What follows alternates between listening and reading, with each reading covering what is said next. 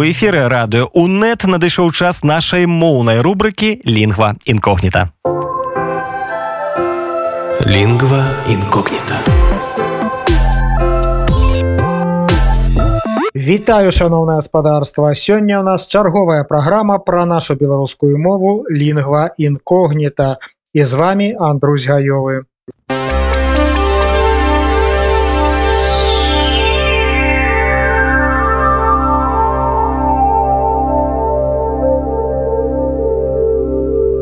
Вось ужо месяц як ва ўкраіне ідзе вайна. Гэта жудасна невыносна.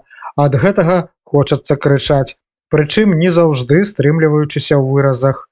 Ці не ў першыя дні вайны ўвесь свет падхапіў фразу сказаную адным з украінскіх прыкардоннікаў да якіх праз гучнамоўнік звярталіся расійскія акупанты што прадставіліся як рускі ваенны карабль а учора нават дзяржаўнае агенцтва ўкраіны ў пытаннях дзяржаўнай службы у даслала органы ўлады тлумачэння пра тое што ўжыванне дзяржаўнымі службоўцамі сусветна вядомай фразы пра напрамак руху рускага военнага карабля якая стала свайго роду дэвізам змагання украінцаў супраць расійскай военной агрэсіі не з'яўляецца парушэннем этычных правілаў паводзінаў дзяржаўных службоўцаў таму што перастала мець свой пачатковы табуяваны сэнс. Але мы яе в эфіры паўтараць не будзем. Тым не менш Сёння мы будзем лаяцца і клясці. Тэма сённяшняй праграмы беларуская лаянка і праклёны.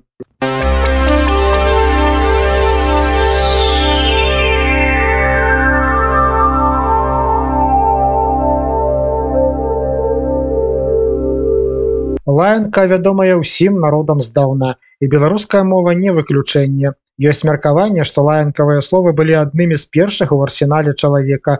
Яны выконвалі культавую рытуальную функцыю былі шырока прадстаўленыя ў розных сельскагаспадарчых вясельных ды іншых абрадах звязаных з плоднасцю.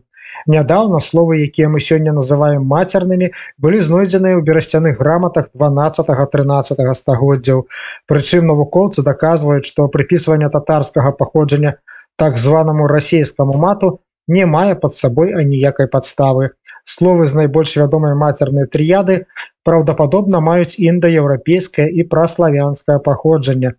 Калі прыняць гэтую гіпотэзу, а не гіпотэзу запазычання з цюрскіх моваў, тады становіцца зразумелым, чаму на нашай тэрыторыі гэтыя словы атрымалі такі шырокі распаўсюд. Паводле вынікаў даследавання этнакультуролага татяны валодзінай, усё пачынаецца з вярхоўнага бога грымотніка і зямлі, якую ён апладняе сваімі грымотамі і дажджом.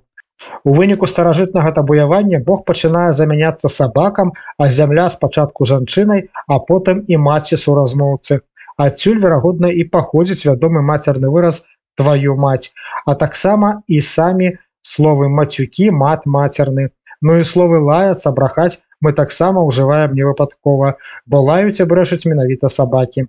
Цікава таксама, што разнастайныя адсыланні пайшоў ты звязаныя з полавымі органамі расшыфроўваюцца як дасыланне ў нябыт туды дзе цябе яшчэ не было адкуль ты з'явіўся А вось адсылання ўзад які асацыюецца ў народзе з нечым цёмным і нячыстым магло мець сэнс адсылання ў пекла на той свет тое пра што мы гаварылі вышэй мае дачыненне да так званай нецэнзурнай лексікі табуяванай некадыфікаванай той якая не існуе ў пісьмовай форме Аднак ёсць і больш мяккая лексіка Гэта разнастайныя абразлівыя словы, якіх таксама было шмат у нашай мове.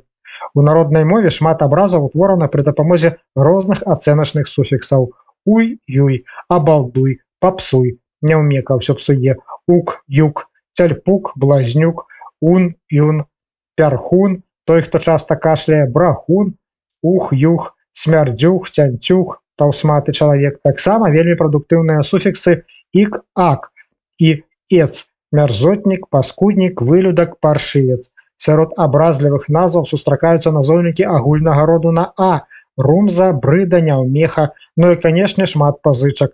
Ідыёт абармот басурманін шейгец для большай выразнасці і моцы ўжываюць цэлыя словазлучэнні жаба разлезла жабен клунак лысы чорт дудок смярдзючы ёлупень стары дурня кусок вылупень казліны ды іншае лічыцца што чыста жаночай зброі былі менавіта праклёны у той сітуацыі калі мужикі кідаліся ў бойку жанчыны звычайна практыкаваліся ў праклёнах часта з'едлівых і грубых ёсць думка што гэта зброя безвыходнасці і адчаю дарэчы менавіта беларускі фальклор вылучаецца найбольшаю колькасцю высловяў праклёнаў трасца табе ў бок каб табе каўтун звіўся каб яго барада аблезла неўзабаве каб табе Бог не дапамог. Абрахаў ён мяне каб ён Бог даў па полю лесу бегаючы брахаў. Каб цябе бура панесла каб яго душу чэрці на пекле пхалі. Ах каб цябе ў чыстым полі дзверы сціснулі. Адварочваецца ён ад мяне каб яму Бог даў галаву завярнула на патыліцу. Каб яго Божа дай міленькі голага гнялі. Каб табе язык аблез каб ты каменем сел трэба адзначыць што табаяваныя словы ў народзе часта эўфемінізаваліся замяняючыся больш прыстойнымі. Пра полавыя органы дрын струк цюцька келбаска чарубка шмонька гэтак далей. Эўфемізмы да табаяваных словаў шырока прымяняюцца і сёння. Блин хрен і гэтак далей.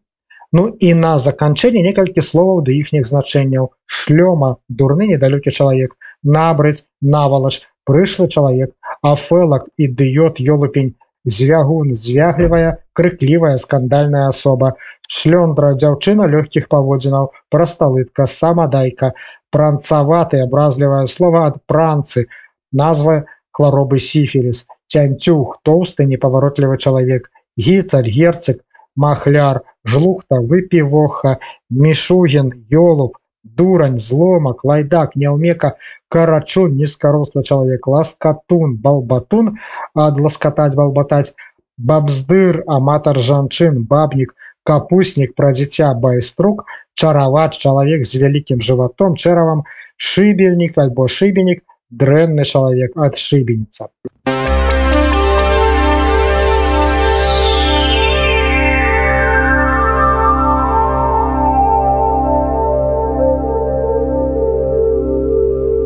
а ў граматычнай частцы мы сёння паговорым пра тыпова беларускую з'яву дзекання і цекання. У нашай мове пара да д і ты па мяккасці менавіта дзе ці, а не дзе і те, як у расійскай.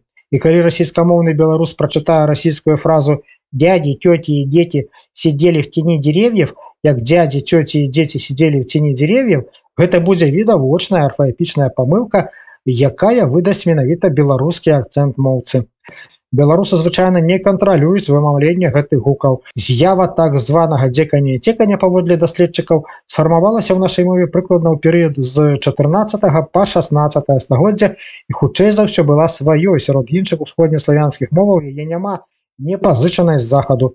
Калі ж адбываецца дзеканне цекання перад е ё ю я і мяккім знакам дзень тень шерсть рэдька пры асіміляцыйнай мяккасці перад мяккім в дзве цвік мядзведь цвёрды пераход д і ты у дзе ідці не адбываецца на мяжы марфемаў прыстаўках і суфіксах на д і ты па 200 у таварыстве а таксама ў некаторых іншых словах брытве бітве бітве літве.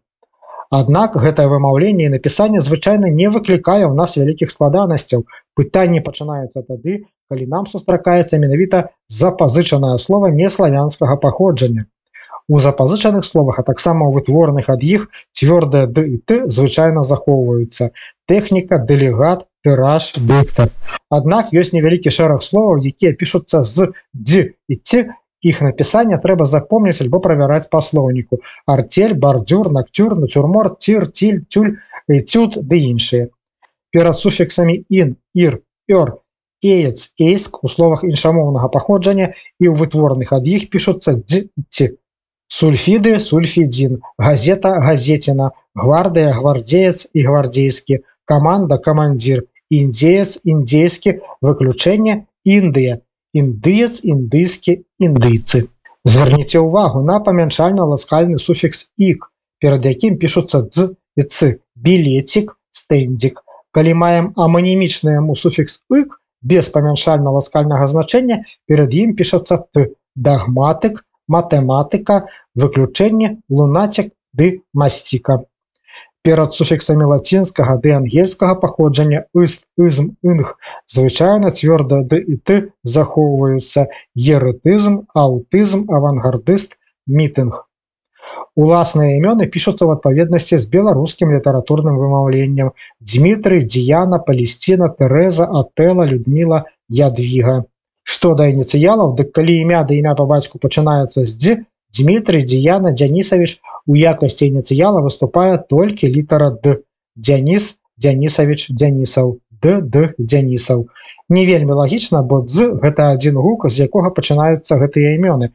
Нагадаю што мы ў нашай праграме кіруемся афіцыйным правапісам у класічным правапісе гэтыя нормы крыху адрозніваюцца. Але на сёння у нас усё. Я Андрусь гаёвы развітваюся з вами да наступнага тыдня.